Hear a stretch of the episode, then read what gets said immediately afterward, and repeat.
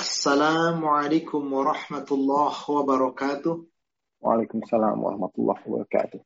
Innal hamdalillah nahmaduhu wa nasta'inuhu wa nastaghfiruh wa na'udzu billahi min shururi anfusina wa sayyiati a'malina.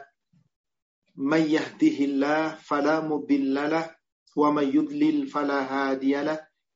Ashhadu an la ilaha illallah wahdahu la syarika lah وأن محمدا عبده ورسوله لا نبي بعده.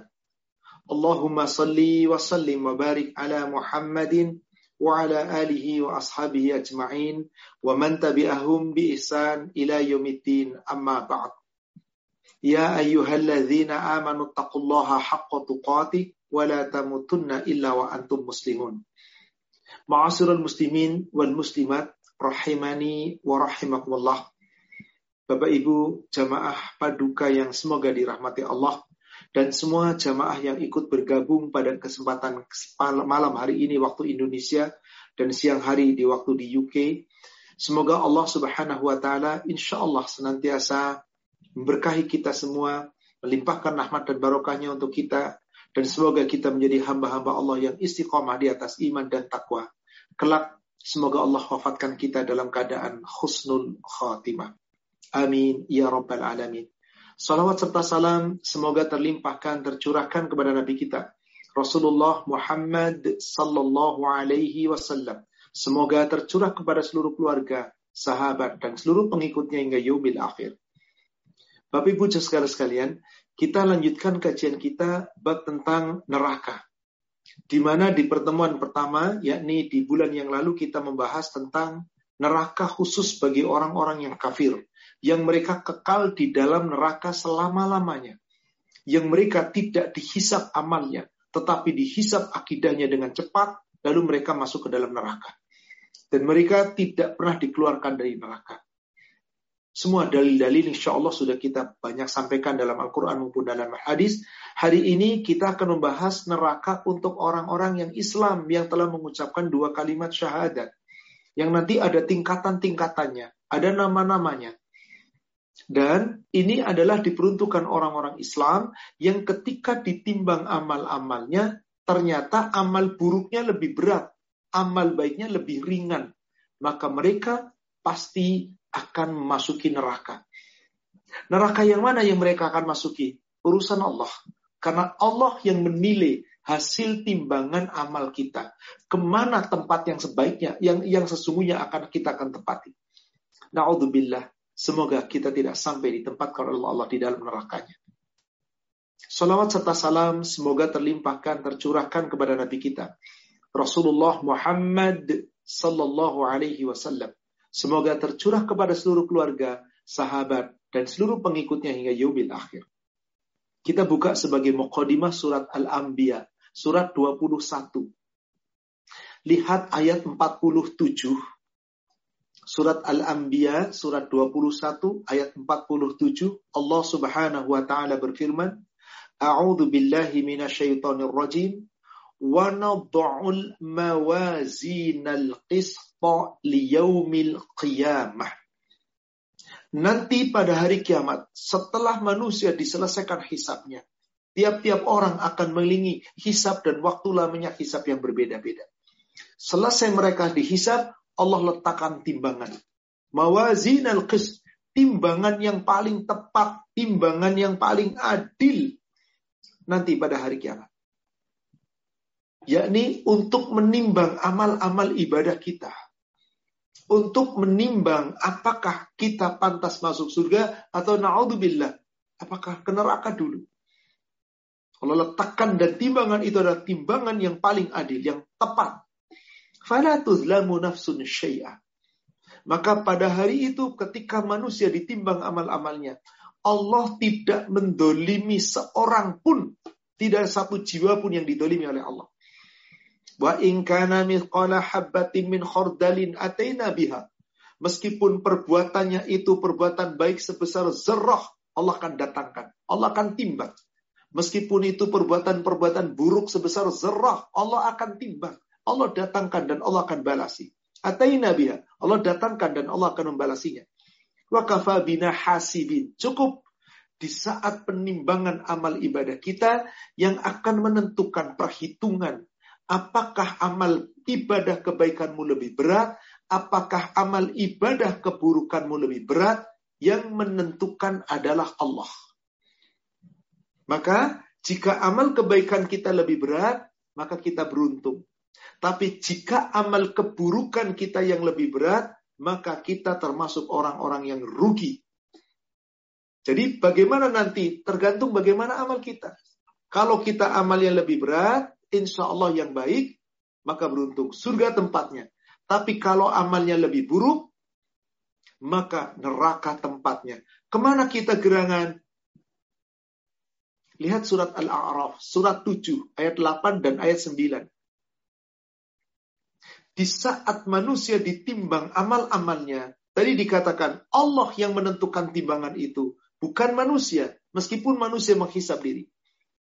Maka timbangan yang paling adil untuk menentukan apakah orang ini berhak masuk langsung ke surga setelah ditimbang amalnya, apakah ke neraka dulu, itu hanya Allah wal waznu yawma idinil haqq. Timbangan hari itu adalah timbangan yang hak, keadilan yang sebenar-benarnya. Fama sakulat mawazinuhu faulaika humul muflihun. Maka apabila nanti timbangan amal kebaikannya lebih berat, maka mereka beruntung. Wa amma man mawazinuhu. Tetapi apabila timbangan keburukannya yang lebih berat, faula ikalladzina khasiru anfusahum. Mereka itu orang-orang yang merugikan dirinya sendiri. Bima kanu bi ayatina yazlimun. Disebabkan karena di dunia mereka zolim kepada ayat-ayat Allah. Mereka mengingkari ayat-ayat Allah. Mereka beriman di lisan, tapi kenyataannya mereka tidak beriman dengan sebenarnya.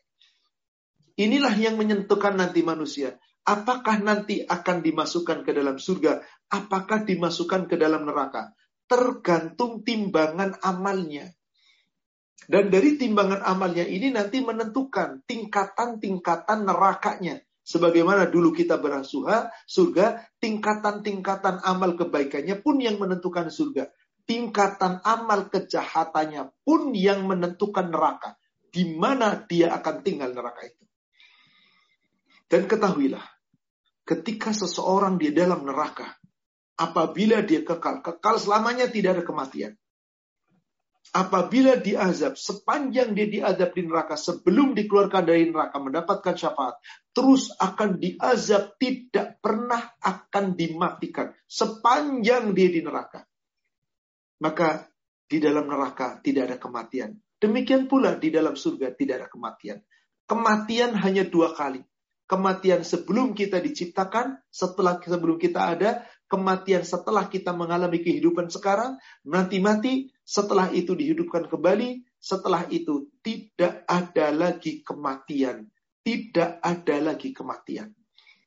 Sebagaimana yang diriwayatkan oleh Imam Muslim di dalam hadis kitab Sahih Muslim tersebut di hadis nomor 2435 dari sahabat Abdullah Qala dia berkata, Inna Rasulullah sallallahu alaihi wasallam qala. Sesungguhnya Rasulullah sallallahu alaihi wasallam beliau telah bersabda, Yudkhilullahu al-ahlal jannah, al-jannah. Allah masukkan para penghuni surga ke dalam surga. Wa yudkhilu ahlan nar ilan nar. Dan Allah masukkan pula para penghuni neraka menuju ke neraka. Summa yakumu adinun bainahum fayaqul.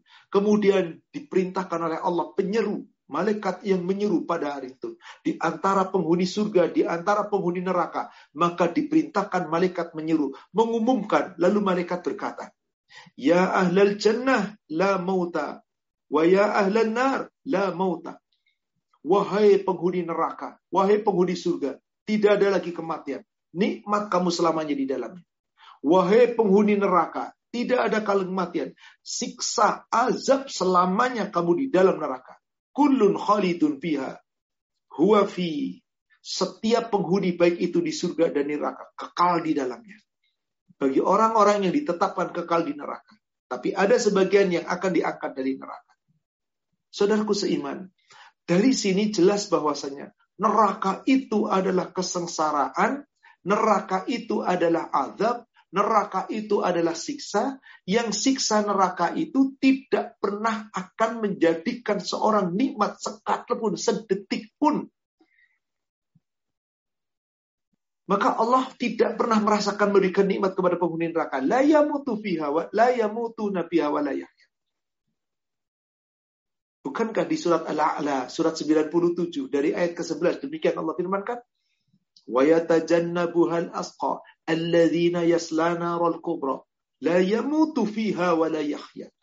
Mereka di dalam neraka itu tidak merasa hidup, tidak pernah merasa mati.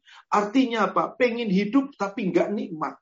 Pengen mati tapi nggak bisa mati. Nggak mati nggak hidup. Disiksa, disiksa, disiksa diazab, diazab, diazab. Seterusnya dan diazab di dalam tingkatan-tingkatan neraka tergantung masing-masing amalnya. Amal baik tingkatan surganya masing-masing, amal buruk pun demikian. Maka disebutkan oleh Allah di dalam surat Al-An'am, surat 6, 132. Surat 6 Al-An'am 132. Allah Subhanahu wa taala berfirman, walikullin darajatim mimma amilu. Dan tiap-tiap umat manusia, tiap-tiap manusia itu memiliki tingkatan derajat di sisi Allah. Nanti di umil akhir, yang di surga ada tingkatan surganya, yang di neraka ada tingkatan nerakanya, sesuai dengan apa yang diamalkan. Dan sungguh, kata Allah, وَمَا رَبُّكَ بِغَافِلٍ عَمَّا يَعْمَلُونَ Allah tidak pernah lengah. Allah tidak pernah lalai terhadap apa yang mereka amalkan. Kalau amalnya buruk, pasti balasannya neraka. Gak mungkin keliru. Amalannya baik, pasti balasannya surga. Tidak mungkin keliru. Maka nanti di saat manusia dibangkitkan di padang masyar berjumpa dengan Robnya, yang menentukan apakah dia ke surga, apakah ke neraka itu adalah Allah. Manusia saat di dunia boleh sadai, boleh jadi mengikuti hawa nafsunya. Ada pula yang tunduk kepada aturan Allah. Maka orang yang di dunia mencari keriduan Allah. Sehingga menemui Allah dengan ridhonya di yaumil akhir. Dengan orang yang di dunia durhaka. Sehingga menemui kemurkaan Allah di yaumil akhir. Apakah sama? Di surat yang lain, surat Ali Imran, surat 3, ayat 162 dan ayat 163.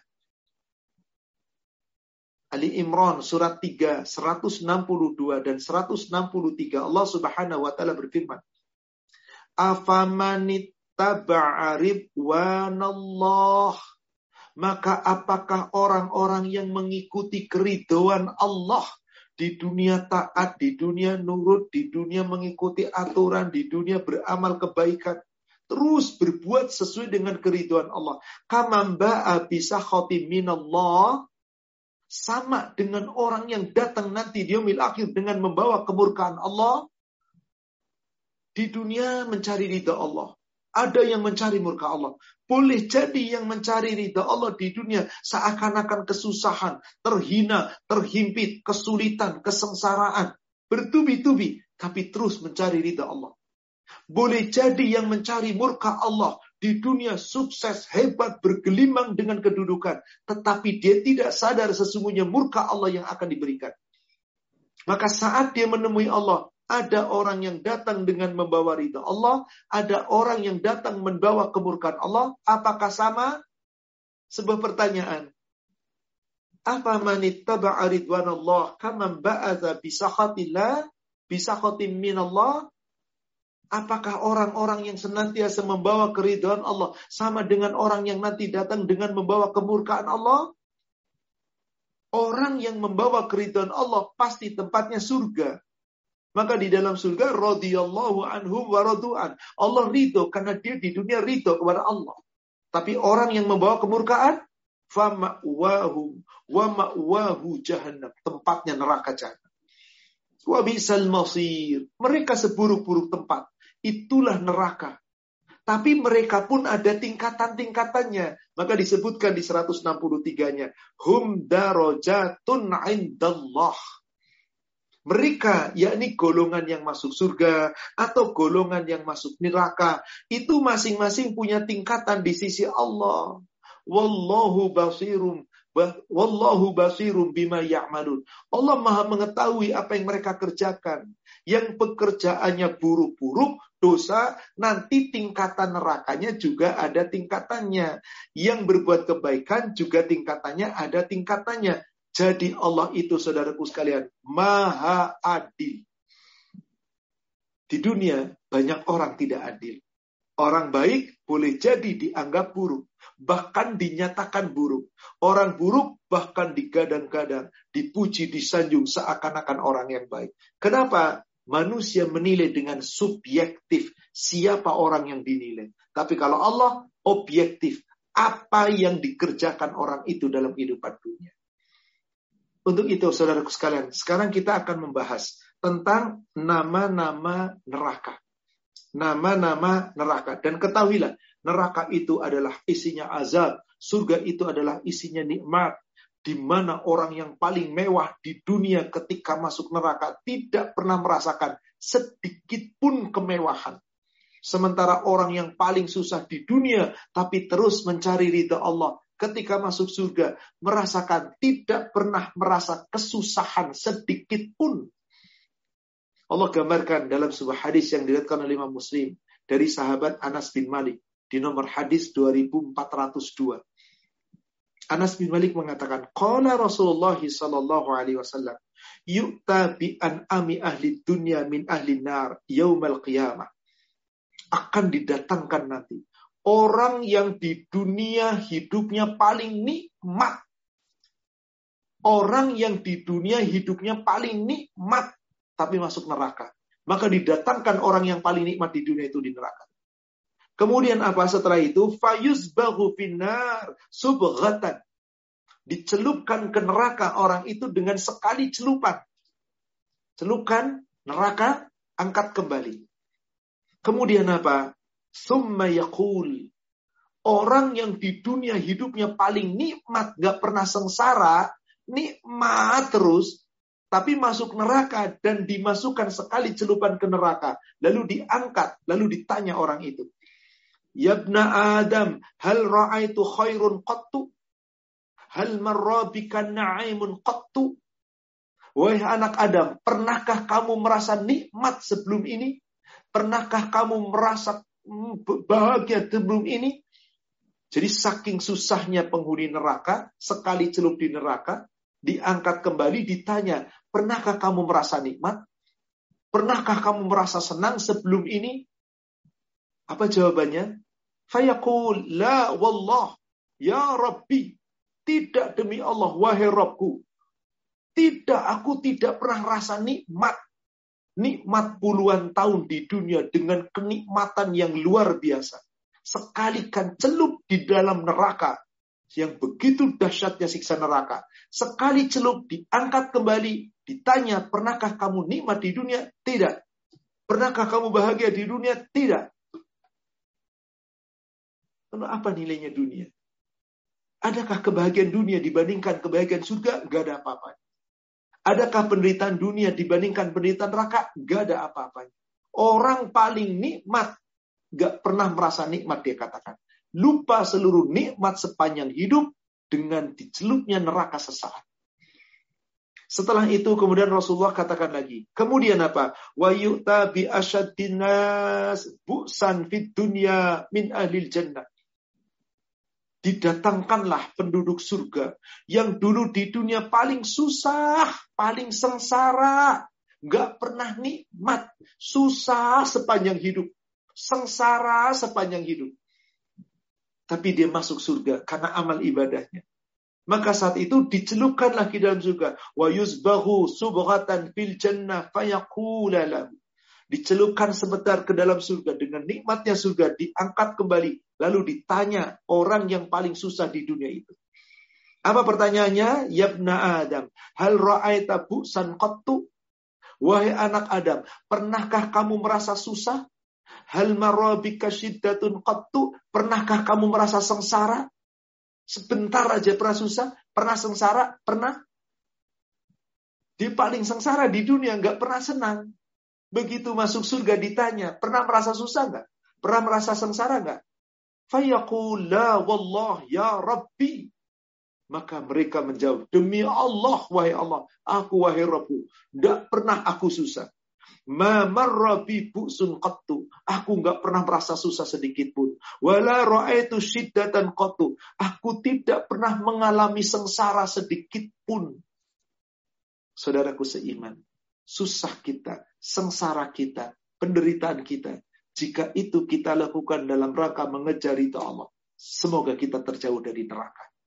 Tapi nikmat Anda, sukses Anda, hebat Anda, pujian ditujukan kepada Anda. Tapi kalau Anda tergopoh-gopoh dengan dunia, lupa akhirat. Neraka itu tidak bisa dibandingkan dengan apa pun. Nikmat dunia yang pernah kita rasakan hilang seketika. Untuk itu, saudaraku sekalian, mari malam ini kita akan pelajari nama-nama neraka dan tingkatan-tingkatan neraka. Untuk apa kita pelajari ini? agar kita sadar ada neraka-neraka dengan bagian-bagian neraka yang Allah akan berikan kepada orang-orang tertentu di antara hamba-hamba Allah yang durhaka kepada Allah di dunia. Pertama, neraka hawiyah. Neraka hawiyah ini diperuntukkan orang-orang yang banyak timbangan amal keburukannya yang ketika ditimbang ternyata amal keburukannya lebih berat. Berarti banyak perbuatan dolimnya dibandingkan perbuatannya ketaatannya. Maka Allah akan masukkan mereka ke dalam neraka hawiyah. Mana dalil tentang neraka hawiyah? Coba kita lihat suratnya surat Al-Qari'ah. Surat Al-Qari'ah, surat 101. Kita bisa lihat dari ayat ke-8. Wa amma man khaffat mawazinuhu. Barang siapa yang timbangan kebaikannya lebih ringan. Fa ummuhu hawiyah. Mereka akan masuk ke dalam hawiyah. Wa ma adraka ma hiya. Tahukah kamu apa itu hawiyah? Narun hamiyah. Neraka yang membakar.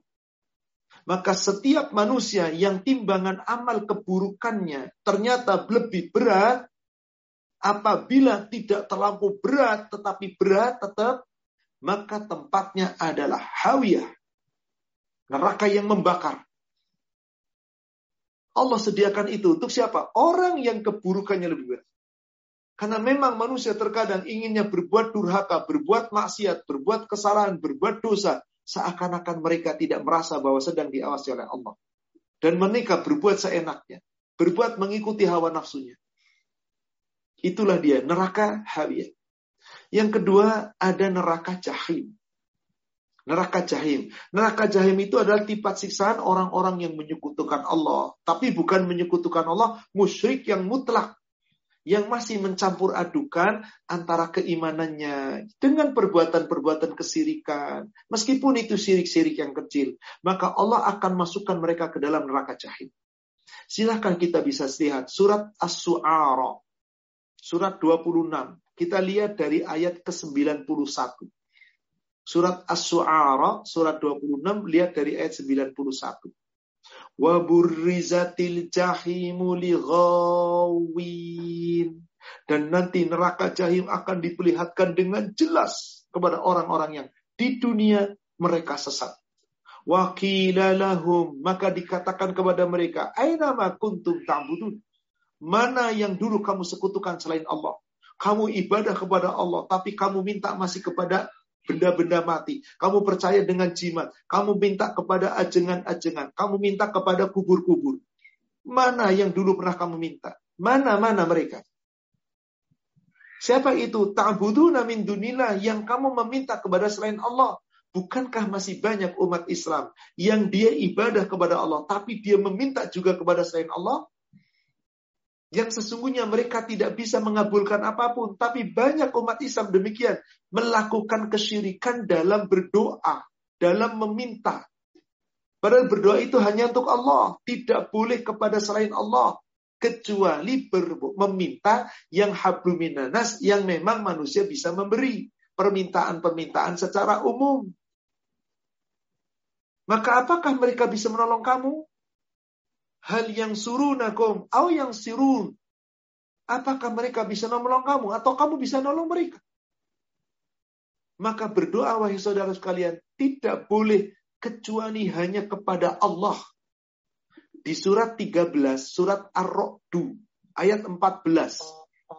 Allah Subhanahu wa taala berfirman, "Lahu da'watul haqq." Berdoa itu hanya milik Allah dan yang layak mengabulkan doa itu hanya Allah.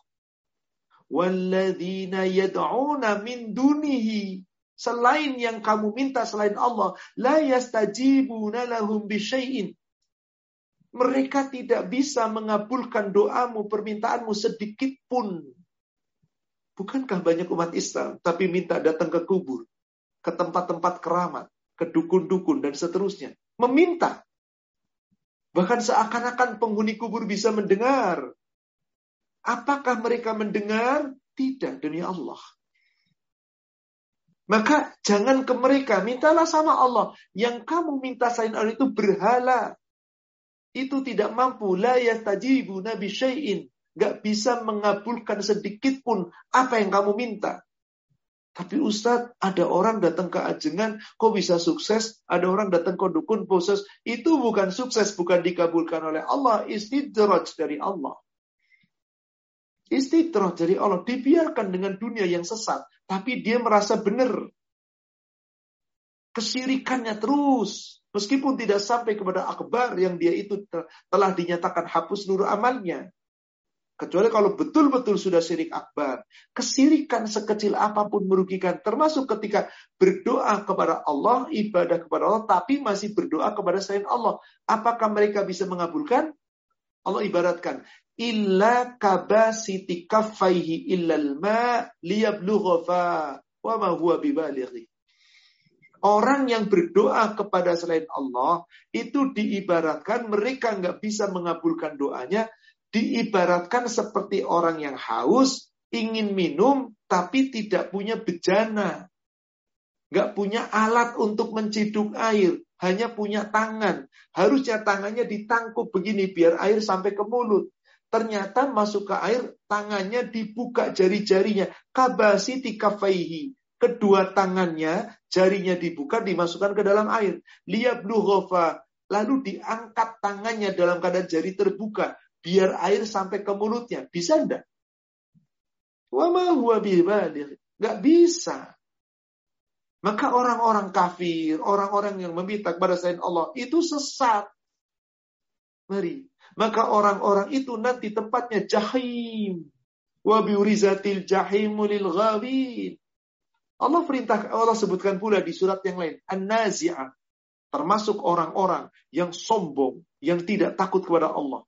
Di surat An-Nazi'at, surat 79, di ayat yang ke-35 dan seterusnya. Yauma yatadzakkarul insanu ma Pada hari ketika manusia teringat apa yang telah dikerjakannya di masa yang lalu. Wa burrizatil jahimu liman yara dan didekatkanlah, diperlihatkan neraka jahim dengan jelas kepada setiap orang yang melihat. Siapa itu? Wa amma man toho wa atharul hayat dunya. Orang-orang yang melampaui batas, orang-orang yang tenantiasa mengutamakan dunia, sehingga untuk dunia dia minta kepada selain Allah pun dijalankan, ke kubur dijalankan, ke benda mati dijalankan, percaya hong sui, feng sui dan macam-macam. Kesirikan dilakukan, maka nanti karena cintanya dengan dunia, fa innal jahimah yal ma'wa. Neraka jahimlah tempat tinggalnya. Na'udzubillah. Dunianya boleh jadi menggiurkan. Dia bisa dapat segalanya. Tapi tanpa dia sadari, dia sedang berbuat menyekutukan Allah. Maka orang-orang yang takut tidak takut pada Allah lebih mementingkan dunia, akhirnya mereka dijerumuskan ke dalam neraka jahim. Kemudian yang ketiga ada namanya neraka sakor. Untuk siapakah neraka sakor itu? Coba kita lihat ayatnya. yakni surat 74, surat Al-Muddathir. Kita lihat dari ayat 26. Sa'uslihi fi sakor. Sungguh kelak pasti kami akan masukkan mereka ke dalam neraka sakor. Wa ma adro kama sakor. Tahukah kamu apa itu neraka sakor? La tubqi wa la tazar. Neraka sakor itu tidak membiarkan penghuninya. Tidak pula membiarkan Jadi neraka sakor itu penghuni-penghuninya di dalam tidak ditinggalkan, tidak dibiarkan. Artinya terus, terus, terus disiksa. Dengan apa? Dengan panasnya api neraka, lawahatun lil bashar. Yang sekali sentuhan api neraka itu bisa menghanguskan seluruh kulit manusia. Lalu neraka sakor itu ditunggu oleh malaikat-malaikat penjaga neraka. Alaiha tis'ata. Dan penjaga neraka sakor itu dijaga oleh 19 malaikat. Ada yang bisa nyogok malaikat, 19 malaikat. Di dunia ada penjara, ada sipir, gampang sipir bisa disogok. Siapa yang bisa merayu malaikat untuk keluar dari neraka? Lalu untuk siapakah neraka sakor itu? Masih di surat yang sama, Mudathir menuju ke ayat 38. Surat 74, surat Mudathir ke ayat 38-nya. Kullu nafsim bima kasabat rohina. Tiap-tiap diri kita terikat dengan usaha yang telah dilakukan di dunia. Illa ashabal yamin. Kecuali penghuru kanan. Kecuali golongan kanan. Fi jannati yatasa'alun. Mereka akan berada di dalam surga. Bahkan mereka saling tanam menyanya dengan penghuni-penghuni surga. Lalu apa? Melihat penghuni neraka, neraka sakor. Anil mujrimin, bertanyalah mereka kepada orang-orang yang di dalam neraka itu, yakni orang yang durhaka kepada Allah. Apa pertanyaannya? Masalah kakum fi sakar? Wahai manusia, apa yang menyebabkan kamu berada di dalam neraka sakor? Coba lihat, apa jawabannya? Qalu lam musallin penghuni neraka sakor itu menjawab, dahulu kami di dunia termasuk orang-orang yang suka meninggalkan sholat. Orang yang tidak sholat. Lalu ada orang Islam berkata, Ustaz saya biar nggak sholat, yang penting saya orangnya baik. Daripada dia sholat masih seperti itu, mendingan saya dong. Saya nggak sholat tapi saya masih baik. Inna lillahi wa inna ilaihi rajiun. Salat itu habli minallah. Salat itu jika ditinggalkan dosa yang paling besar. Karena haknya Allah salat itu. Ibadah yang paling utama, yang paling dicintai Allah adalah salat. Dalam hadis yang diriwayatkan oleh Imam Muslim di hadis nomor 66, ketika ada sahabat bertanya kepada Rasulullah sallallahu alaihi wasallam, Ya Rasulullah, ma amalil afdal indallah.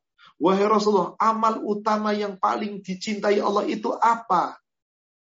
Rasul menjawab apa? As-salatu liwaktiha. Salat awal waktu. Lakukan salat pada waktunya.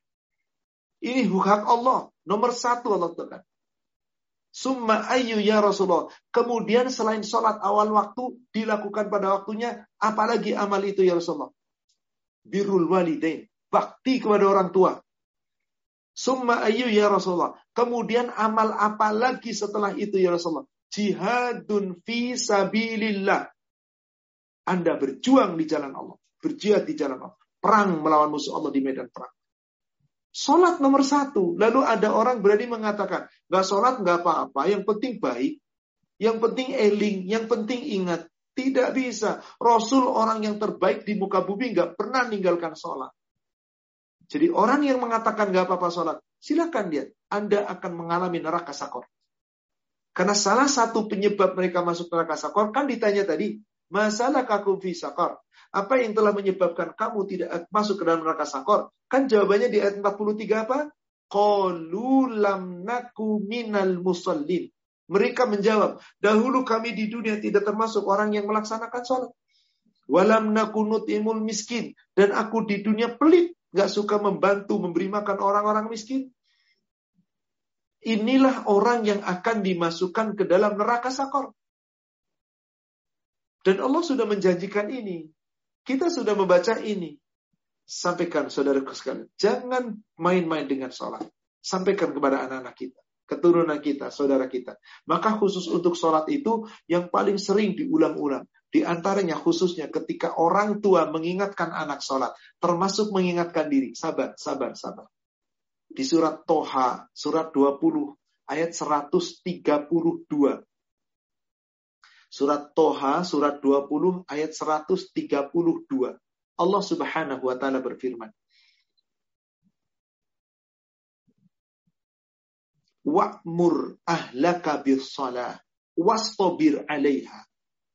Dan perintahkanlah keluargamu, perintahkan dulu diri kita, perintahkan hadi tolan kita, tetap mendirikan sholat. Wastabir 'alaiha. Sabar kamu ketika menjalankannya ketika memerintahkannya, ketika mengajak, ketika menjaga, terus menerus butuh kesabaran dalam mendirikan sholat. La nas'aluka rizqa. Aku tidak minta rizki kata Allah. Kami tidak minta rizki kepada kamu. Nahnu narzukuk. Kami yang memberikan rizki kepadamu. Karena betapa banyak orang sibuk mencari rizki dengan berdagang, dengan berbisnis, dengan bekerja. Apa pun tiba-tiba sholat sering diabaikan. Alasannya Pak, sibuk. Apakah kamu diberi, memberi rizki kepada Allah? La nas'aluka rizki. Aku nggak minta rizki, kata Allah. Kami nggak minta rizki kepada kamu. Nahnu narzuku. Kami yang senantiasa memberi rizki kepada kamu. Wala akibatu taqwa. Akibat terbaik untuk nanti di yaumil akhir. Hanya bagi orang takwa. Orang takwa nggak mungkin meninggalkan sholat. Maka orang yang suka melalaikan sholat, nama Allah tempatkan di neraka sakar. Kemudian yang nomor empat ada neraka ladha. Neraka ladha. Kita bisa lihat di beberapa ayat Al-Quran. Pertama surat Al-Ma'arij, surat 70. Lihat ayat ke-15. Kalla, surat 70, surat Al-Ma'arij, ayat ke-15. Kalla, sekali-kali tidak. Innaha ladha. Sungguh neraka itu ada neraka ladha. Neraka yang apinya bergejolak Naza'atan lisyawa yang ketika api itu menyentuh kulit manusia, maka sungguh mengelupas kulit kepalanya manusia. Sentuhan api itu sekali kekena kepala, terkelupas kulit kepalanya. Tada'uman adbara wa tawalla yang memanggil orang-orang yang adbara, yang membelakang, yang durhaka kepada Allah, dan yang berpaling dari ketetapan agama Allah. Allah akan tetapkan itu. Dan Allah sudah berjanji itu. Dan orang-orang yang mengumpulkan harta benda, sibuk mencari harta-harta benda, tetapi dia tidak mau mengikuti aturan Allah, berpaling dari ajaran Allah. Itulah manusia. Innal insan khuliqu halu'a. Memang manusia itu bersifat keluh kesah terus. Keluh kesah terus. Dunia, dunia, dunia, dunia. Ini yang Allah sebutkan neraka ladha pertama di surat Al-Ma'arij. Yakni di sana dikatakan bahwasanya mereka itu adalah orang-orang yang ditempatkan di neraka yang sama. Dan itu neraka lava. Dan orang-orang nanti di neraka lava tidak akan saling bertanya, tidak akan saling menegur. Bahkan orang-orang yang akan diazab di neraka itu seandainya ingin menebus dirinya, tidak diterima tebusan itu. Coba di surat yang sama Al-Ma'arij naik ke atas ke ayat 10. Wala yas'alu hamimun hamima. Nanti manusia ketika berada di padang masyar, bahkan sampai di neraka, seseorang teman karib tidak bertanya dengan temannya. Gak peduli. Yubasirunahu, mereka sesungguhnya saling memandang. Tetapi mereka tidak punya daya. Kenapa? Mereka pun sama-sama akan dilepaskan, akan dimasukkan ke dalam neraka.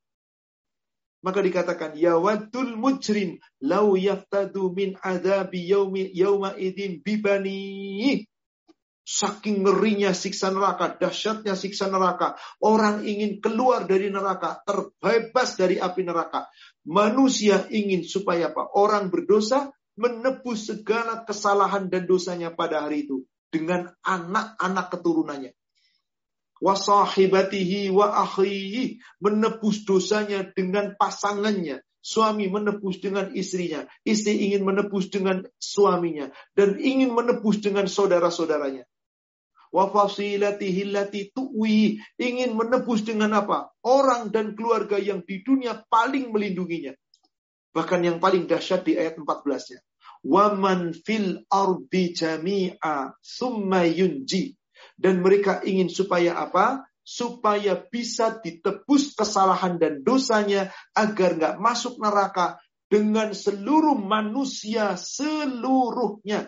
Lalu ingin tebusan itu diterima. Apakah diterima? Tidak. Tidak. Maka sungguh mereka akan masuk ke dalam neraka latu. Maka dikatakan, tukum naron taladha. Di surat Al-Lail. Lihat surat 92.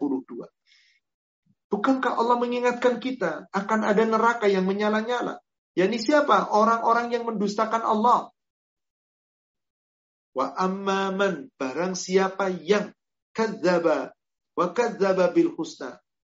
Orang-orang yang mendustakan kebenaran, yang senantiasa meracakup wa aghna wa kadzaba bil husna. Fasanu yasiruhu lil yusra. Allah mudahkan baginya jalan yang usra, yang sulit. Wa mayyughni anhu maluhu idza taradda. Maka nanti saat dia musnah, saat dia binasa, harta kekayaan gak ada gunanya. Inna alaina lal huda wa inna lana lal akhirat Allah yang memberikan petunjuk. Milik Allah akhirat dan dunia dan akhirat. Fa'angdartukum naron taladha. Hei manusia yang terlalu serakah dengan dunia. Bukankah Allah sudah mengingatkanmu dengan naran taladha, dengan neraka ladha? La yaslaha illa al-ashqa yang tidak akan memasuki neraka ladha itu kecuali orang-orang yang paling celaka. Siapa mereka? Alladzi kadzdzaba wa tawalla. Orang yang senantiasa mendustakan Allah dan orang yang selalu berpaling dari aturan-aturan Allah. Di dunia pelit, hanya nyari kekayaan, nggak mau ikut Allah, maka neraka ladha mereka akan memasukinya. Na'udzubillah. Kemudian berikutnya ada neraka hutomah. Yang kelima, ada neraka hutomah. Di mana Allah firmankan neraka hutomah? Di dalam surat Al-Humazah. Al-Humaz. Orang yang suka mengumpat, orang yang suka mencela, orang-orang yang bakhil, orang yang di dunia hanya sibuk dengan uang, uang, uang, uang. Lihat suratnya, surat 103. Surat 103. Al-Humazah. Al-Humazah 104. 104. 104, 104. Jazakallah khair. 104, 103 Al-Asr. Al-Humazah. Wailun, celaka. Likulli humazatil lumaza. Tiap orang yang humus, yang suka mengumpat, yang suka mencela. Humus itu ngumpat-ngumpat orang, lumas itu adalah suka mencela orang, gak pernah benar aja orang yang paling benar seakan-akan hanya dirinya. Siapakah orang yang seperti itu? Alladhi jama'a Orang yang pintar ngumpul-ngumpulin harta. Ngumpul-ngumpulin harta. Wa datang ngitung-ngitung harta. Di pikirannya cuma duit, duit, duit. Yahsabu annama lahu ahlada. Karena mereka mengira harta yang dimilikinya itu bisa mengekalkan dirinya. Seakan-akan kalau sudah punya duit tujuh turunan aman. Allah katakan di ayat 4, Kalla sekali-kali tidak, hai manusia. Jika kamu di dunia hanya mementingkan dunia, dunia, dunia. Lalu kamu abaikan aturan Allah, la yumbazanna fil khutama. Benar-benar kamu akan dilemparkan nanti ke dalam khutama. Wa ma adraka mal. Tahukah kamu apa itu khutama? Narullahil mukhada. Nerakanya Allah yang apabila baru dinyalakan apinya, api dinyalakan oleh Allah, nyala api. Nyala apinya itu allati tapoli'u 'alal af'idah. Baru menyala api. Nyala api itu panasnya langsung sampai ke hati. Kalau Bapak Ibu lihat api kebakaran, paling panas di wajah. Tapi ketika orang melihat neraka Hutama, baru dinyalakan neraka itu. Nyalanya saja sudah masuk panasnya sampai ke hati. Lalu bagaimana orang yang masuk ke dalamnya? Innaha alihi musadat. Kalau orang sudah masuk ke dalam neraka, di neraka utama itu, neraka itu ditutup dengan rapat. Dan diikat di tiang-tiang yang panjang. Apa maksudnya ditutup dengan rapat? Ditutup rapat yang tidak keluar panasnya pun tidak keluar. Afan, mungkin kalau ummu, ibu-ibu kalau masak punya panci yang biasanya kalau untuk masak gak butuh waktu lama. Kalau ayam kampung di istilahnya di negara kita saya nggak tahu ada nggak ya di London sana di UK sana ada ayam kampung Ada, kalau Ustaz. ayam kampung ada ya, ya. Ada. Ayam kampung itu kalau dikukus direbus biasa butuh 3 4 jam baru agak empuk. Kalau ayam-ayam yang ayam-ayam ras itu kira-kira dua jam sudah cukup. Kalau pengen cepat empuk bagaimana? Ibu punya apa di di rumah di dapur? Panci apa namanya? Presto. Rice cooker. Press cooker. Untuk masak tadi di press. Gunanya apa? Panasnya nggak keluar. Maka ayam kampung jika dimasak dengan alat biasa 3 jam, 4 jam, 5 jam, di presto berapa jam? Satu jam cukup. Bahkan kurang dari satu jam. Kenapa? Karena panasnya betul-betul. Gimana kalau manusia di presto? Itulah neraka hutomah. Manusia dipanaskan di neraka. Ditutup rapat, diikat di tiang-tiang yang panjang. Neraka hutomah. Na'udzubillah. Lalu ada pula namanya neraka sa'ir. Yang keenam ada neraka sa'ir. Kita bisa lihat di surat Al-Mulk, surat 67. Lihat di ayat yang kelima. Surat Al-Mulk, surat 67, ayat yang kelima. Neraka sa'ir. Walaqad zayyana sama ad-dunya bimasabih. Dan sungguh Allah telah hiasi langit dunia itu dengan apa? Bintang-bintang dihiasi oleh Allah. Dihiaskan oleh Allah di langit ada bintang-bintang.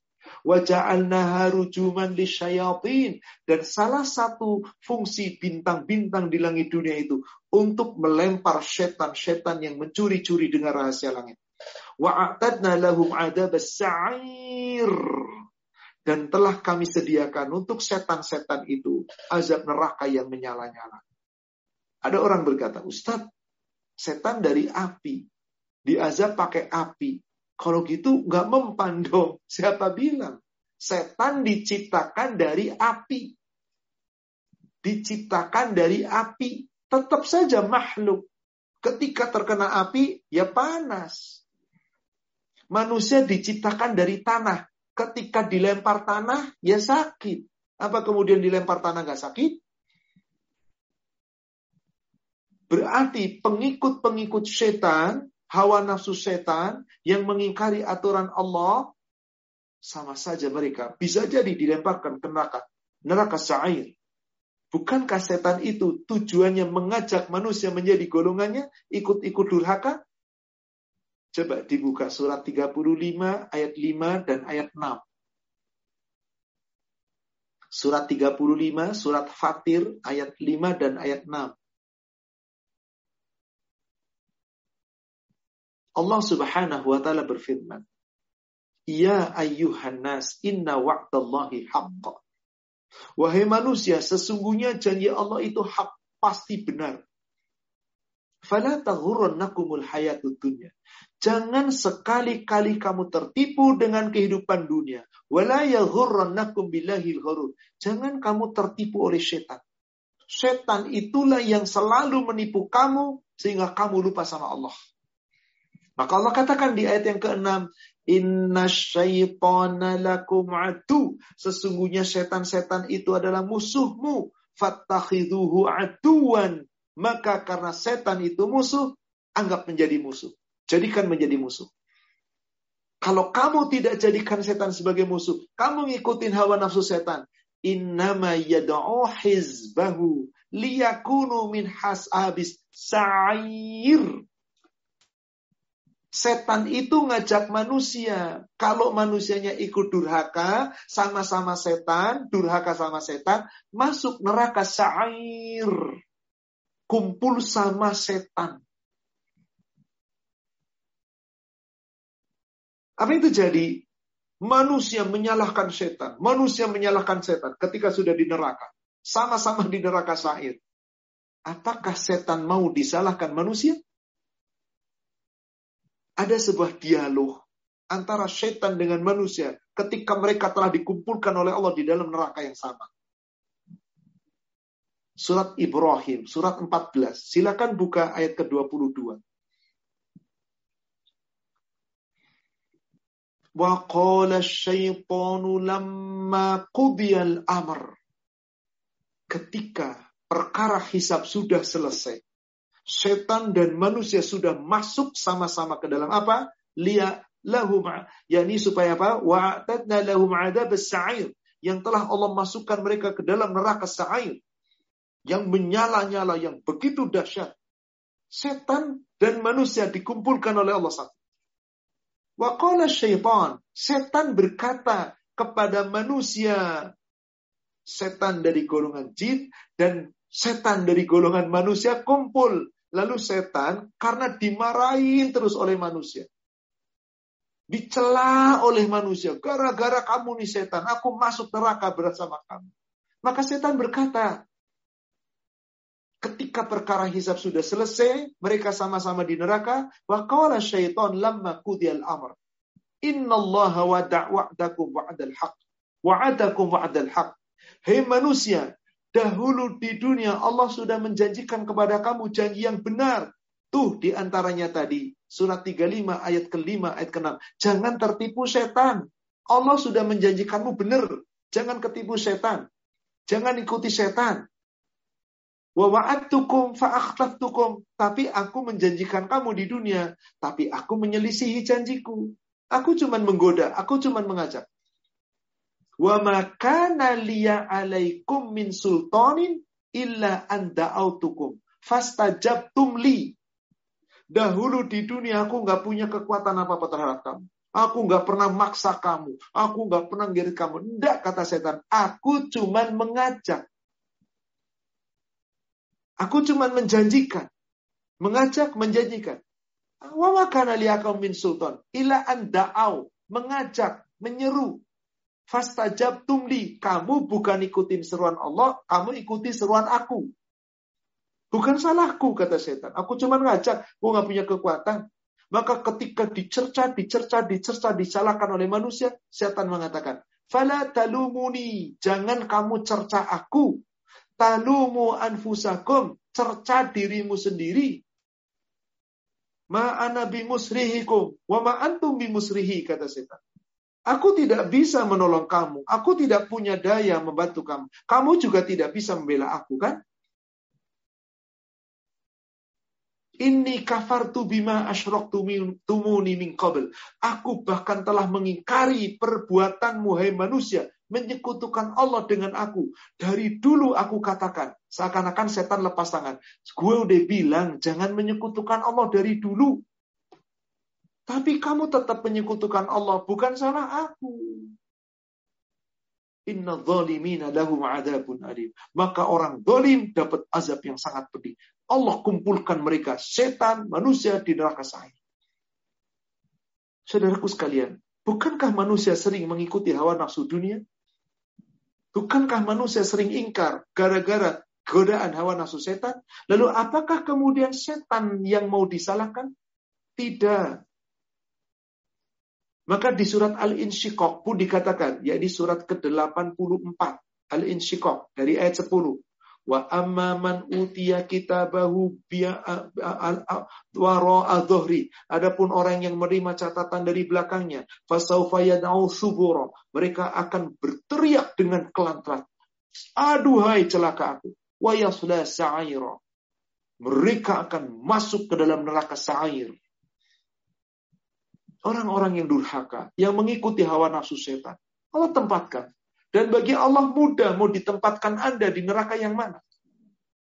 Ayat-ayat ini disampaikan oleh Allah, kita baca di dunia, kita pelajari di dunia, biar kita sadar ada neraka yang menunggu. Lalu apakah kita ingin dilempar ke neraka? Lalu apakah Anda ingin berbuat durhaka terus? Sama orang yang nanti masuk surga dengan orang masuk neraka. Seperti tadi pertanyaan di Ali Imran 162. Sama orang yang datang membawa keridhaan Allah dengan orang yang membawa kemurkaan Allah. Sama pertanyaan, sama orang yang masuk surga dengan orang yang dilempar ke neraka. Kalau nggak mau juga diatur, ya terserah Anda. Bapak Ibu bisa lihat surat Fusilat, surat 41 atau surat Hamim As-Sajdah. Ayatnya ayat yang ke-40. Allah Subhanahu wa taala berfirman, Innalladzina yulhiduna fi ayatina la yakhfawna alaina. Sesungguhnya orang-orang yang mengingkari ayat-ayat kami. La yakhfawna alaina. Tidak akan mampu tersembunyi dari kami. Gak bisa ngeles. Gak bisa ngumpet. Gak bisa menghindar dari Allah kata Sampai ada pertanyaan, afamayulqa finnari khairun amma ya'ti aminan yaumal qiyamah? Apakah kelak orang-orang yang dilempar ke neraka oleh Allah, mereka itukah yang lebih baik atau orang-orang yang nanti menemui Allah dengan rasa aman? Siapa kita? Naudzubillah yang akan dilempar ke neraka? Naudzubillah min dzalik. Yang menemui Allah dengan rasa aman? Jangan tertipu oleh setan. Jangan ikutin hawa nafsu setan. Kalau Anda sudah mengikuti hawa nafsu setan dan Anda berbuat apa yang Anda inginkan, apa kata Allah ujung ayatnya? I'malu masyitum. Lakukanlah apa yang akan kamu lakukan. Perbuatlah apa yang ingin Anda perbuat. Innahu bima ta'maluna basir. Tapi sungguh dia Allah maha mengetahui apa yang kamu perbuat. Allah tahu. Lalu kenapa Anda durhaka?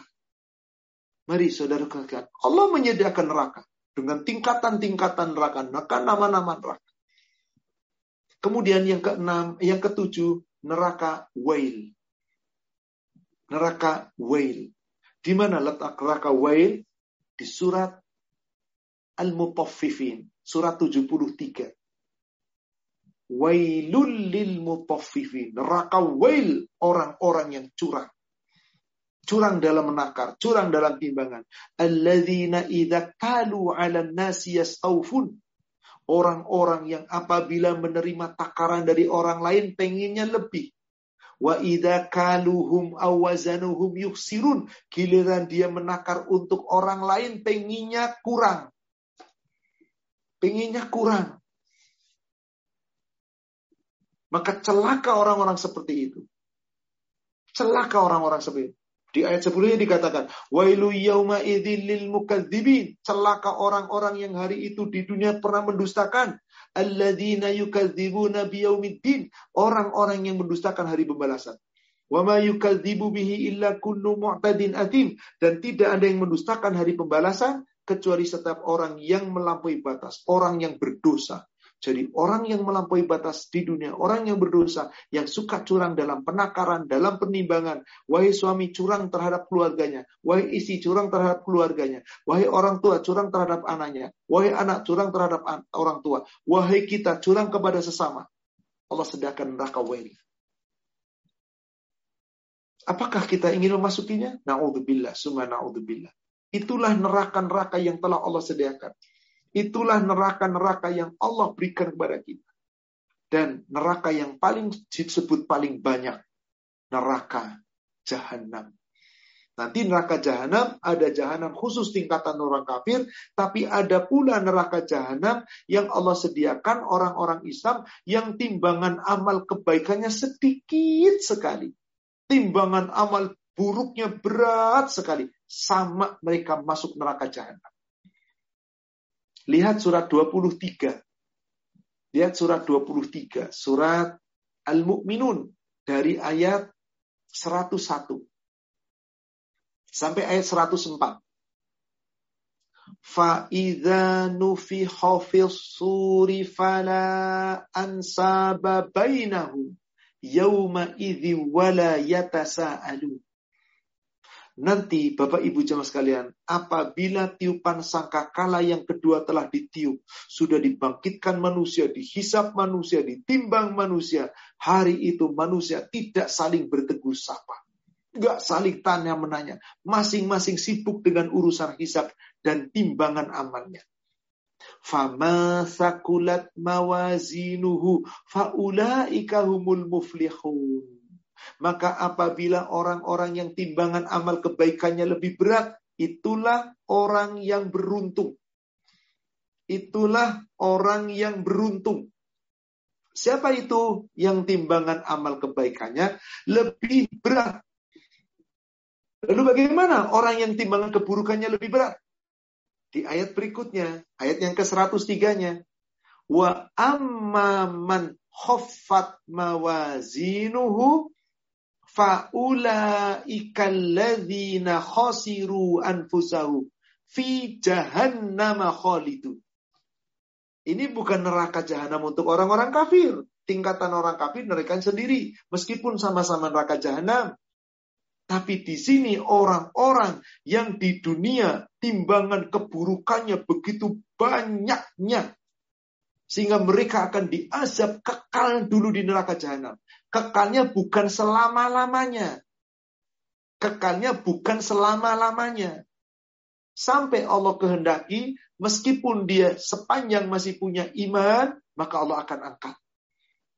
Sepanjang Allah masih mereka punya iman, Allah akan akan angkat. Disebutkan di hadis Sahih Muslim, hadis nomor 154 dari Anas bin Malik. Yakhruju minan nar man qala la ilaha illallah.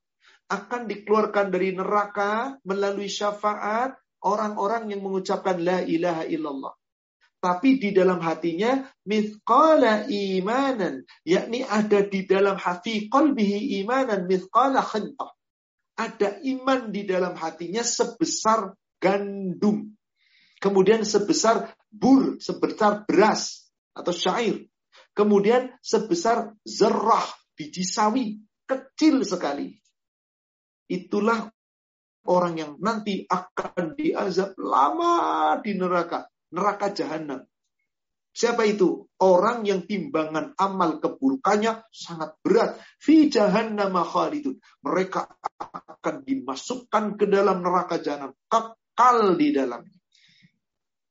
Mereka ingin keluar, ingin keluar. Allah nggak akan keluarkan. Sampai Allah tentukan berapa lama mereka di sana. Maka di saat mereka di neraka jahanam, mereka protes kepada Allah. Kenapa, kenapa, kepengin ini, itu, dan seterusnya. Maka ditanya Allah, lihat ke 105-nya.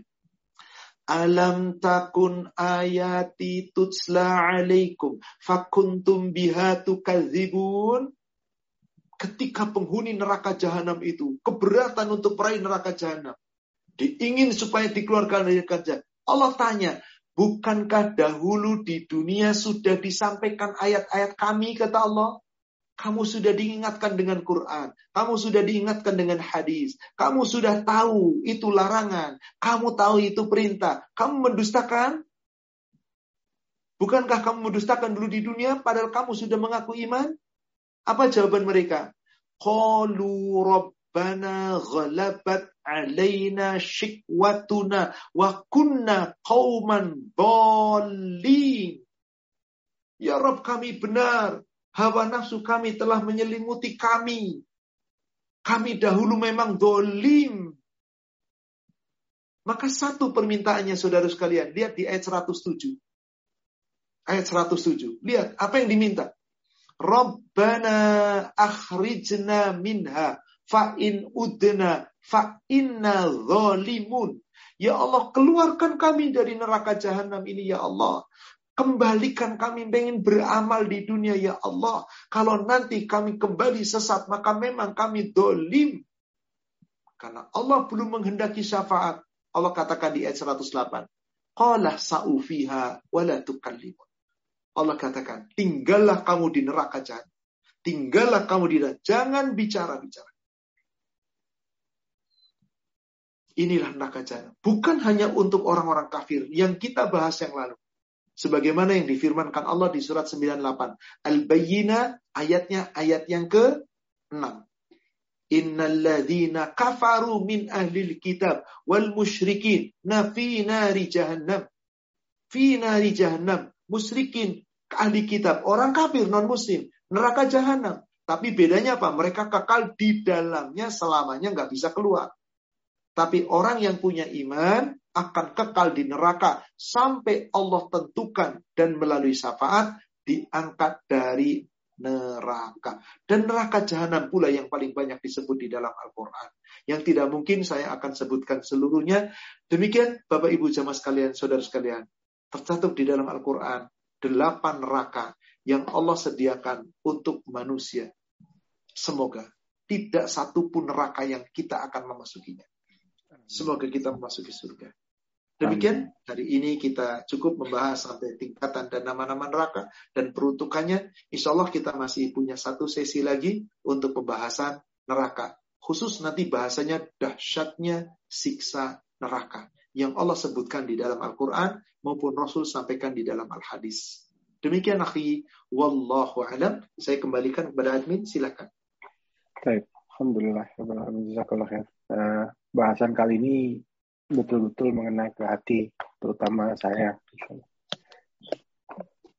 Uh, uh, ada beberapa pertanyaan, Ustaz. Silakan. Uh, saya langsung share aja Ustaz. Bismillahirrahmanirrahim. Ustaz, jika kita banyak berbuat amal, sholat puasa, dan haji, tapi tidak pernah membayar zakat, walaupun nisabnya telah melebihi 85 gram emas, apakah timbangan dosanya lebih berat dan masuk neraka dulu baru masuk surga? Di zaman Rasulullah masih hidup, bahkan ketika beliau wafat digantikan Abu Bakar Siddiq.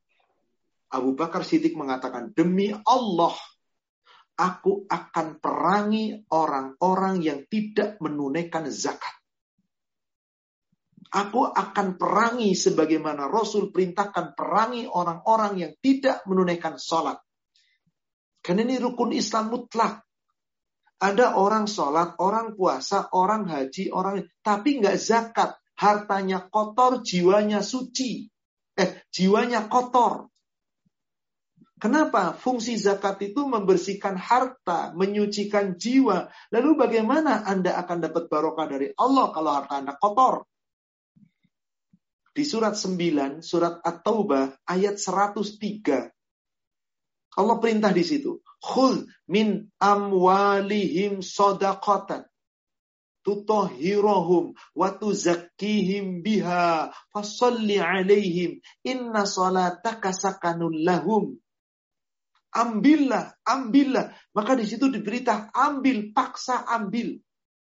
Zakat dari orang-orang kaya di antara mereka yang telah sampai nisabnya dan tentu haulnya Zakat itu membersihkan harta dan menyucikan jiwa.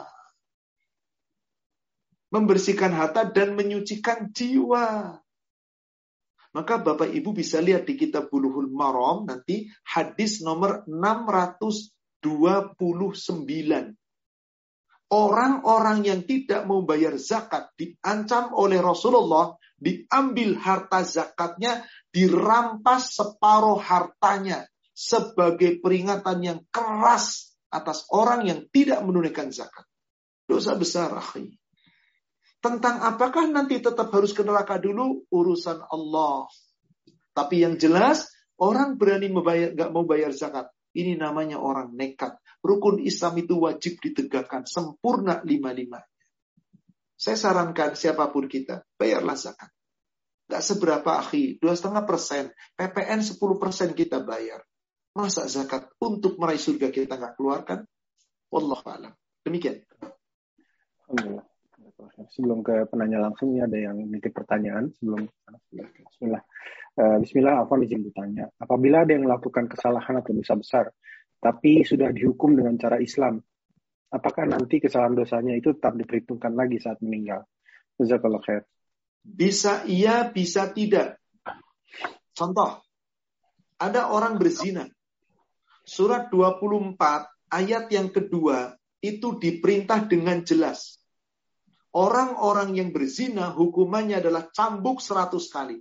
Dalam hadis riwayat Imam Bukhari, Muslim dan yang lainnya, orang yang sudah menikah maka dirajam sampai mati. Apakah orang yang berzina kemudian sudah pernah dicambuk seratus kali? Orang yang berzina kemudian dirajam sampai mati. Apakah orang itu pasti akan diampuni dosanya di akhirat? Tergantung di dunia. Saat dia dihukum sudah bertobat belum? Kalau dia bertobat dengan tobat dan nasuha, hukuman di dunia itu termasuk memberikan dosanya, membersihkan dosanya, semoga Allah ampuni.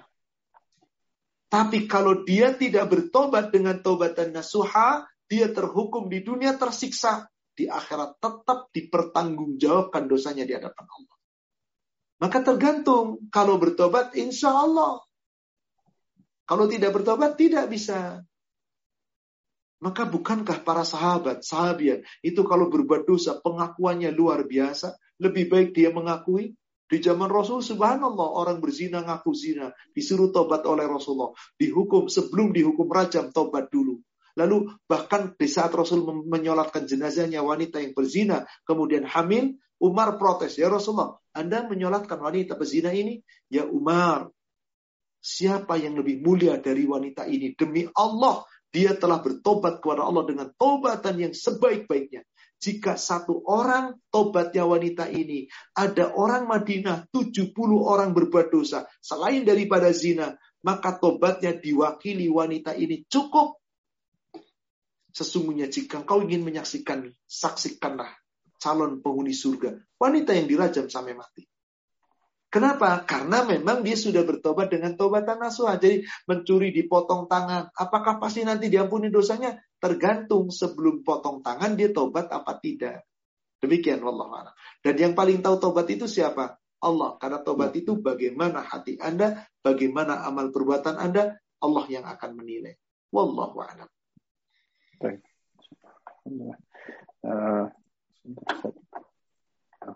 Terlambat. Oke, okay, uh, eh, saya kira ada yang bertanya langsung. Saya izinkan uh, Pak Mesra, Pak Wasra Surgani, silahkan di uh, unmute. Ya. Terima kasih Pak Rasid. Assalamualaikum warahmatullahi wabarakatuh.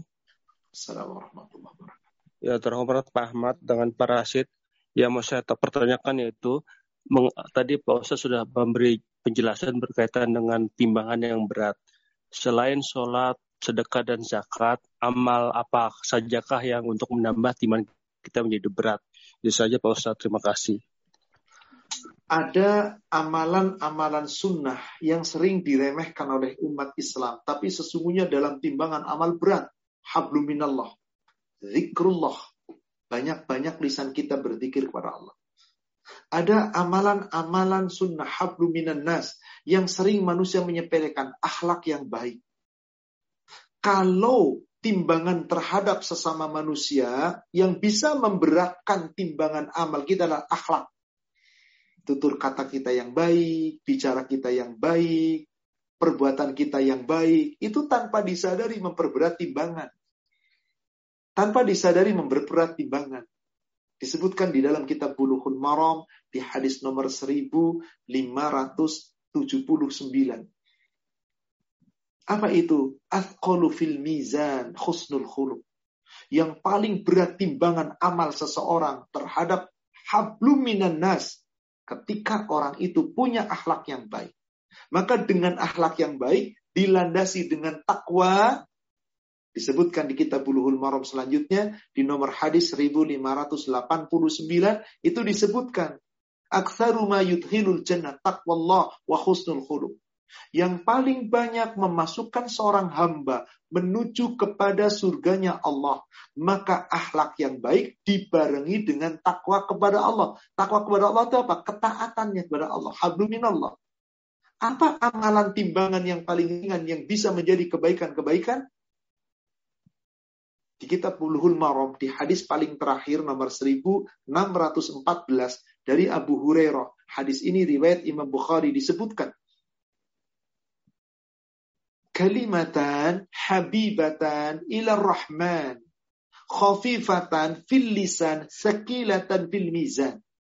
Ada dua kalimat yang sangat dicintai Allah yang Maha Pengasih. Jika hamba itu sering mengucapkan kalimat itu, sesungguhnya lisan itu ringan mengucapkan, tapi sekilatan fil mizan. Dalam timbangan amal itu berat. Apa itu kalimatnya? Zikrullah, subhanallah, wa bihamdi, subhanallahil azim. Maha suci Allah, Engkau yang maha tinggi. Engkau yang maha tinggi. Ya Allah, maha suci engkau Allah. Segala puji bagimu, ya Allah. Maha suci engkau Allah. Ya Allah, engkau maha agung ucapan-ucapan ini jika kita biasakan akhi, insya Allah memperberat timbangan. Jadi perbanyak kita zikrullah, habluminallah, memperberat timbangan amal di sisi Allah. Perbaiki habluminanas dengan akhlak yang baik, insya Allah kita akan bisa meraih kebaikan-kebaikan. Wallahu a'lam. Demikian. Uh, Afwan. Baik, saya lanjutkan ke pertanyaan berikutnya. Uh, Bismillah, Afwan izin bertanya, kalau kita datang ke seorang ustadz dan bertanya kepadanya dan ternyata setelah dilaksanakan, kita baru tahu bahwa petunjuknya tersebut tidak sesuai dengan sunnah Rasulullah. Apakah yang melaksanakannya akan menanggung akibat dosanya juga Ustaz? Kita senantiasa dibimbing oleh Allah berdoa dengan satu doa yang sangat indah. Yakni Al-Baqarah ayat terakhir 286. Rabbana la tu'akhilna inna sina au akhtokna. Wahai Allah, jangan kau hukum kami jika kami berbuat kesalahan tanpa sengaja. Yang kami berbuat salah tapi kami nggak tahu. Seseorang datang ke seorang ustadz bertanya amalan tertentu. Lalu disampaikan oleh Ustaz, amalan, amalan, amalan. Baru tahu belakangan ternyata amal itu nggak ada dalilnya. Amalan-amalan yang tidak pernah dicontohkan Rasul. Saya kadung sudah pernah menjalankan. Segera mau nampun pada Allah. Doa tadi, ya Allah jangan kau hukum aku. Aku lakukan amal-amal kemarin atas petunjuk Ustadz yang aku pelajari ternyata salah. Aku baru tahu sekarang ya Allah. Sudah sekian lama aku amalkan. Mohon ampun sama Allah. Insya Allah Allah akan. Tidak ada dalilnya ayat yang mengatakan aku tidak akan ampuni kamu. Semua ayat mengatakan aku ampuni. Hanya kita tidak pernah tahu secara pasti sudah diampuni belum dosa kita. Beda dengan Rasul, dapat jaminan pasti. Beda dengan para sahabat, sebagian dapat jaminan ampunan pasti. Tapi kita tidak. Tapi ayat mengatakan, aku ampuni. Bukan aku tidak akan ampuni sepanjang kita mau tobat dengan tobatan nasuha. Semoga Allah ampuni. Maka saat itu tinggalkan, jangan ulangi lagi yang telah lalu bertobat. Semoga Allah ampuni. Insya Allah. La yukallifullahu nafsan illa wus'ah. Allah tidak membebani sesuatu kecuali kesanggupan. Saat Anda melakukan perbuatan yang tidak benar tadi, sanggupnya baru sampai sana. Alhamdulillah belajar, belajar, tahu bahwasanya itu bukan amalan yang dicontohkan Rasul, maka saat itu tinggalkan, kemudian mohon ampun, bertobat, semoga Allah mengampuni. Karena Allah Maha Pengampun lagi Maha Penyayang. Wallahu a'lam. Alhamdulillah. Uh, berikutnya ini pertanyaannya uh, redaksinya sedikit saya sedikit kami rubah uh, untuk menghindari hal-hal yang tidak diinginkan. Mohon bertanya Ustadz, ada yang mengatakan bahwa orang yang meninggal karena kecelakaan masuk surga tanpa hisap. Ustaz. Apakah pernyataan ini betul, Ustaz? Subhanallah.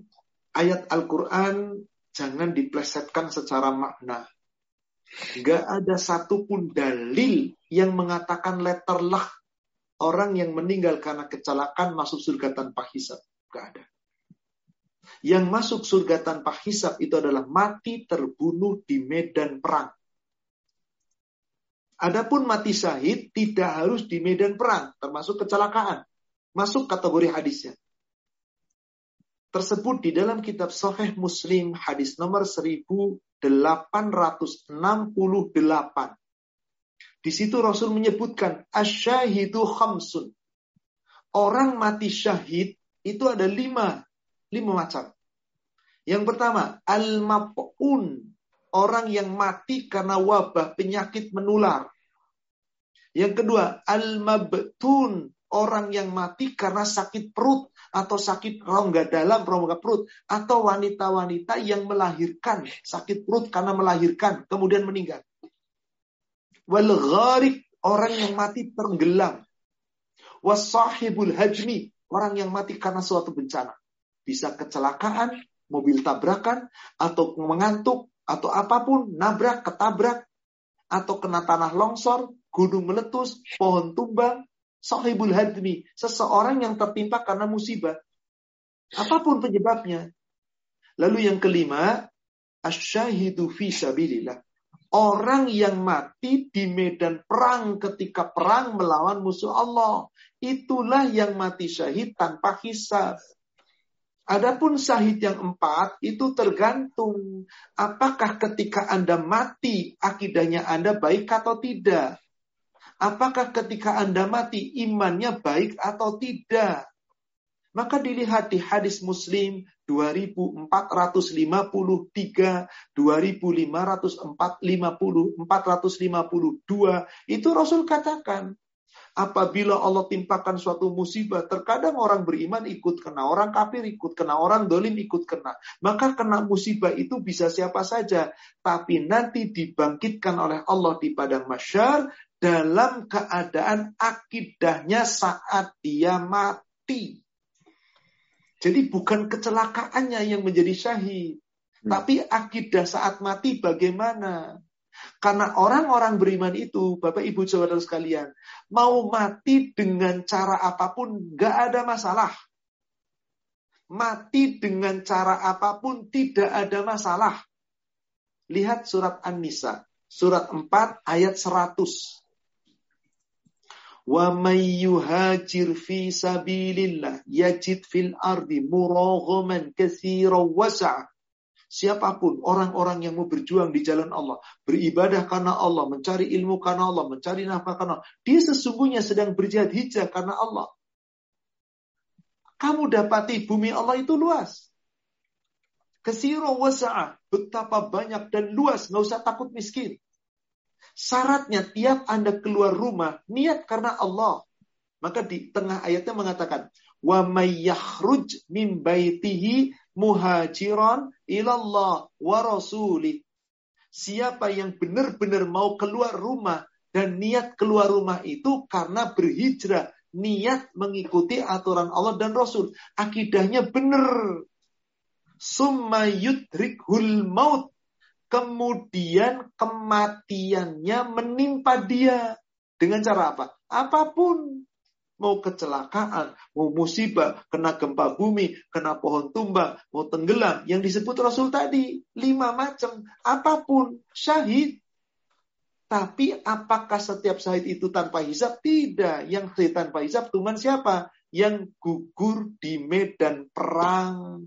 Itu yang Allah katakan telah dijual jiwanya telah dijual kepada Allah, lalu dibeli oleh Allah, langsung surga tanpa hisab. Surat 9, surat At-Taubah 111. Itu yang dimaksud dimasuk surga tanpa hisab. Orang yang berjuang dan terbunuh di medan perang. Tapi orang yang akan dikatakan syahid itu bukan mati terbunuh saja, mati dengan cara apa pun. Allah berikan rizki terbaik, ampunan dan surga surat 22, surat As, surat uh, Al-Hajj ayat 58. Wa may fi sabilillah. Siapa saja orang yang betul-betul berniat berhijrah karena Allah. Summa kutilu au matu. Ada dua di situ. Lalu dia terbunuh. Terbunuh itu kutilu di medan perang kital. Terbunuh musuh. Au matu atau mati. Mati itu bukan di peperangan. Mati kecelakaan, mati karena pohon tumbang, mati karena tenggelam, mati karena penyakit. Yang penting akidahnya benar. Layar nahumullahu rizqon hasana. Sesungguhnya Allah benar-benar memberikan kepada mereka rizki yang terbaik yaitu surga. Jadi yang masuk surga tanpa hisab disebut di surat atau bahasa kata-kata tadi ayat 111 Innallaha ashtara minal mu'minin amwalahum wa anfusahum bi anna lahum jannah. Orang beriman yang menjual dirinya, hartanya diserahkan, jiwanya diserahkan, dia yuqatiluna fi sabilillah. Fayaktulun wa yuktalun. Nah, itu dia.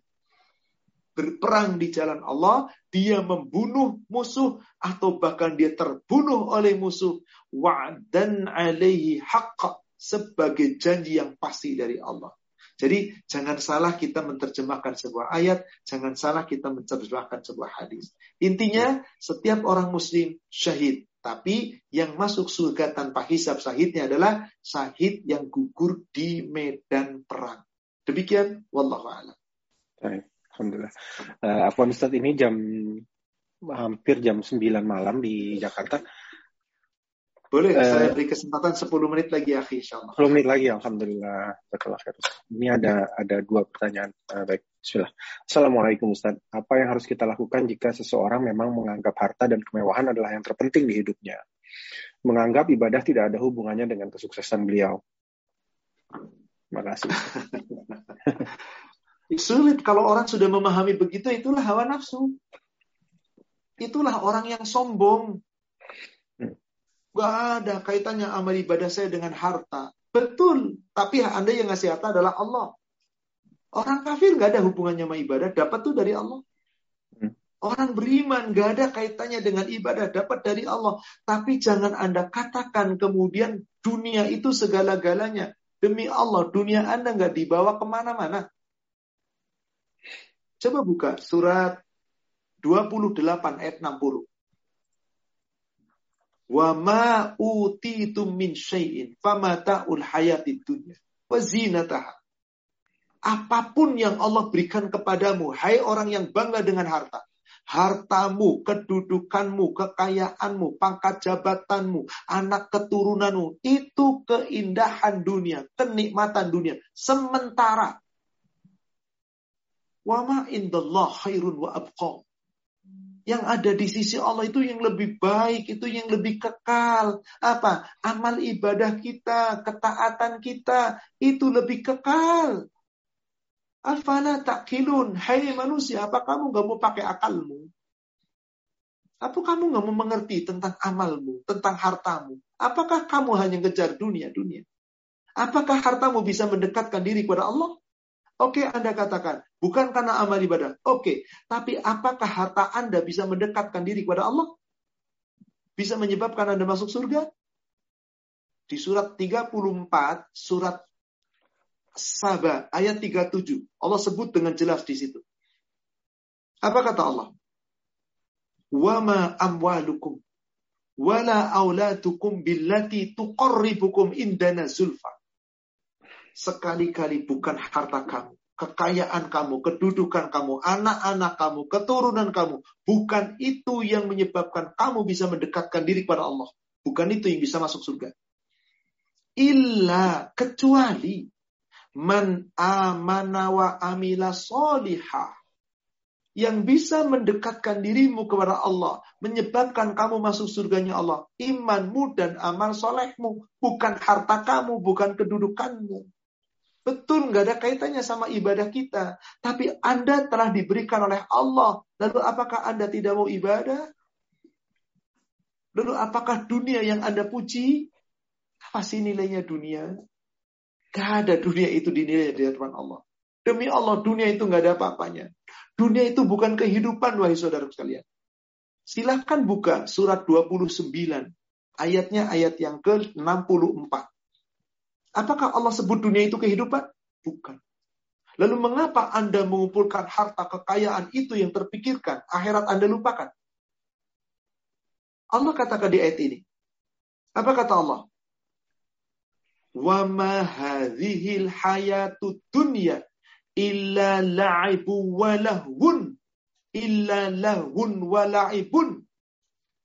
Dunia itu cuman main-main. Dunia itu cuman senda gurau. Wa inna darul akhirata lahiyal hayawan.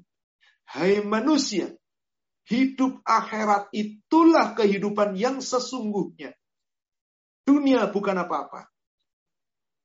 Lau kanu ya'lamun. Kalau kamu mengetahui. Kalau nggak tahu, tidak apa-apa. Itulah orang kalau sudah tercinta dengan dunia, jatuh cinta dengan dunia, Allah katakan, pasti lalai dengan akhirat. Satu surat lagi, surat 30 ayat ke-7. Surat Ar-Rum ayat ke-7. Ya'lamuna zahiran minal hayati dunya. Orang kalau sudah memandang dunia itu indah, karena mengetahui dunia itu indah, harta kekayaan yang dipikirin terus, ya sudah dunia indah. Karena dia memandang dohir, memandang tampaknya saja. Maka orang kalau sudah memandang dunia indah, wahum anil akhiratihum ghafilun. Mereka itu kalau urusan akhiratnya pasti lalai. Dunia, dunia, dunia. Inna lillahi wa inna ilaihi. Kita pelajari saudaraku sekalian, neraka sudah kita bahas sekarang. Bukan neraka untuk orang kafir yang lalu sudah kita. Ini untuk orang Islam. Allah sediakan neraka. Delapan neraka Allah sediakan. Yang masing-masing punya tingkatan. Tidakkah kita takut dengan ancaman Allah ini? Wallahualam. Demikian. Semoga Allah memberikan kekuatan kepada kita agar tidak dilalaikan dengan dunia. Amin. Amin. Uh, baik Ustaz, ini mungkin pertanyaan agak panjang ini Ustaz. Pertanyaannya. Assalamualaikum warahmatullahi wabarakatuh. Bismillahirrahmanirrahim. Mohon izin bertanya Ustaz. Bagaimana bila, katakanlah si Fulan, bagaimana bila orang memiliki pemikiran bahwa ia merasa telah melakukan dosa dan benar-benar bertaubat, tetapi ia masih merasa takut dan berpikir bila ia tidak ingin mendapatkan azab kubur dan siksa di akhirat kelak dengan cara ia minta jasadnya dibakar saja agar ia tidak menerima hukuman di akhirat sebab jasadnya telah dibakar. Lalu bagaimana agar kita terhindar dari semua azab-azab neraka yang telah disebutkan semua itu tadi Ustaz. Jazakallah khair Ustaz. Saudaraku seiman yang semoga dirahmati Allah, untuk urusan yang gaib, Anda jangan berpikir dengan akal. Akal Anda nggak sampai. Ah, saya jasadnya dibakar aja deh. Biar nanti nggak diazab di kubur. Nggak juga diazab di neraka. Kenapa sampai punya pikiran seperti itu? Apakah dengan mentang-mentang diazab, dibakar, hangus, kemudian nggak ada siksa kubur? Lalu bagaimana dengan Fir'aun? Bagaimana bela tentara Fir'aun? Yang telah Allah katakan di surat Ghafir surat 40 ayat 45 46 mereka diazab diazab kubur ditampakkan neraka pagi petang tidakkah kita meyakini ini ini gaib saudaraku sekalian Gak usah kita berpikir biar gak terkena ada kubur, jasad saya begini begitu. Pikiran itu mengganggu Anda. Akhirnya apa? Mengotori jiwa Anda. Sudah bagi kita minta, minta, minta. Tobat tiap saat, istighfar banyak-banyak. Dan berdoa selalu di dalam sholat kita, di luar sholat kita. Terhindar dari azab neraka, terhindar dari azab kubur, terhindar dari fitnah, dunia, kematian. Itu yang paling baik. Daripada mikirin pesan supaya nanti disebut. Kalau gitu enak. Orang-orang yang punya kematian lalu tidak dikubur, yang dibakar. Enak semua mereka. Gak ada azab kubur. Ini pemahaman yang keliru, wahai saudaraku sekalian. Azab kubur itu gaib. Aminu bil gaib. Imani yang gaib. Bukan kita mengimani dengan pikiran kita, tapi dengan ini nih ada azab kubur. Mau dengan cara apa pun azab kubur dihindarkan tidak bisa. Caranya bukan bagaimana supaya azab kubur saya dibakar tidak, tapi bagaimana caranya saya terhindar dari azab kubur. Salah satu penyebab azab kubur yang paling ringan adalah wahai laki-laki biasanya apabila ada seorang musim kencing tidak cebok, tidak istinja dengan sempurna. Ada kubur penyebabnya. Apabila wanita kencing tidak sempurna ceboknya, ada kubur itu dia. Gara-gara apa? Tidak bersih di dalam istinja. Maka istinja terbaik itu adalah air. Allah sudah memberikan air itu tuhur, membersih. Jangan pakai tisu, air. Saya di Eropa Ustadz, ya sudah bawa tisu basah. Kenapa? Orang yang istinjanya tidak baik berarti ada sisa najis di sana. Ketika ada sisa najis kemudian Anda berwudu masih ada najis. Tidak sempurna wudhunya. Akhirnya apa? Rusak sholatnya. Azab jadinya. Berhati-hatilah. Jadi saudaraku seiman yang semoga dirahmati Allah, mari kita gali ilmu, mari kita belajar ilmu agama, perbaiki akidah kita, agar pikiran-pikiran yang menghantui pikiran kita tentang sesuatu yang gaib kita tinggalkan. Urusan gaib, percaya, yakini. Saya yakin ada adab kubur, ya Allah, jauhkan aku dari adab kubur. Mending kita berdoa. Allahumma inni a'udzubika min azabil qabr. Ya Allah, aku berlindung kepadamu dari azab kubur. Wa min azabin nar. Ya Allah, aku berlindung kepadamu dari azab neraka. Wa min fitnatil mahya wal mamat. Ya Allah, aku berlindung kepadamu dari fitnah kehidupanku dan kematianku. Wa min fitnatil masihid dajjal. Ya Allah, aku berlindung dari fitnahnya dajjal. Itu yang kita minta. Rasul saja selalu berdoa. Jangan berpikiran dengan dibakar. Seakan-akan akan ringan Jangan akhi, tapi perbanyak kita istighfar, perbanyak kita bertobat, perbaiki amal ibadah kita, tingkatkan ilmu kita, semoga meningkat iman dan takwa kita. Insya Allah perbuatan kita akan lebih baik lagi. Demikian saya berdoa kepada seluruh jamaah UK dan juga para jamaah dari Indonesia atau dari mana pun yang ikut bergabung pada kesempatan malam hari ini. Mari perbanyak kita terus menggali ilmu agama, pelajari ilmu agama, dan terus menerus kita memperbaiki. Semoga Allah wafatkan kita kelak semua dalam keadaan husnul khatimah. Amin ya robbal alamin. Demikian yang bisa disampaikan yang benar dari Allah. yang disampaikan melalui Rasulnya. Yang salah saya yang menyampaikan, kita manusia yang penuh dengan kekurangan dan kehilafan. Semoga Allah memaafkan dan mengampuni dosa kita. Mari saudara sekalian, kita tutup dengan kafaratul majlis. Subhanallah wa bihamdika asyhadu an la ilaha illa anta astaghfiruka wa atubu ilaik. Alhamdulillah billahi taufik. Assalamualaikum warahmatullahi wabarakatuh. Waalaikumsalam warahmatullahi wabarakatuh. Jazakallah khair Ustaz. Wa iya jazakallahu khairan kepada ahli dan juga kepada seluruh jamaah jazakumullahu khairan. Barakallahu fikum. Saya mohon pamit, saya mohon izin live dulu, akhi. Ya. Siap, Ustaz. Terima kasih, Ustaz. Baik, eh, kajian-kajian ini bisa kita kaji kembali di YouTube kami, Pendudukan underscore UK. Kami mohon maaf jika ada kesalahan dan kekurangan. Barakallahu fikum. Wabillahi taufiq wa hidayah. Wassalamualaikum warahmatullahi wabarakatuh.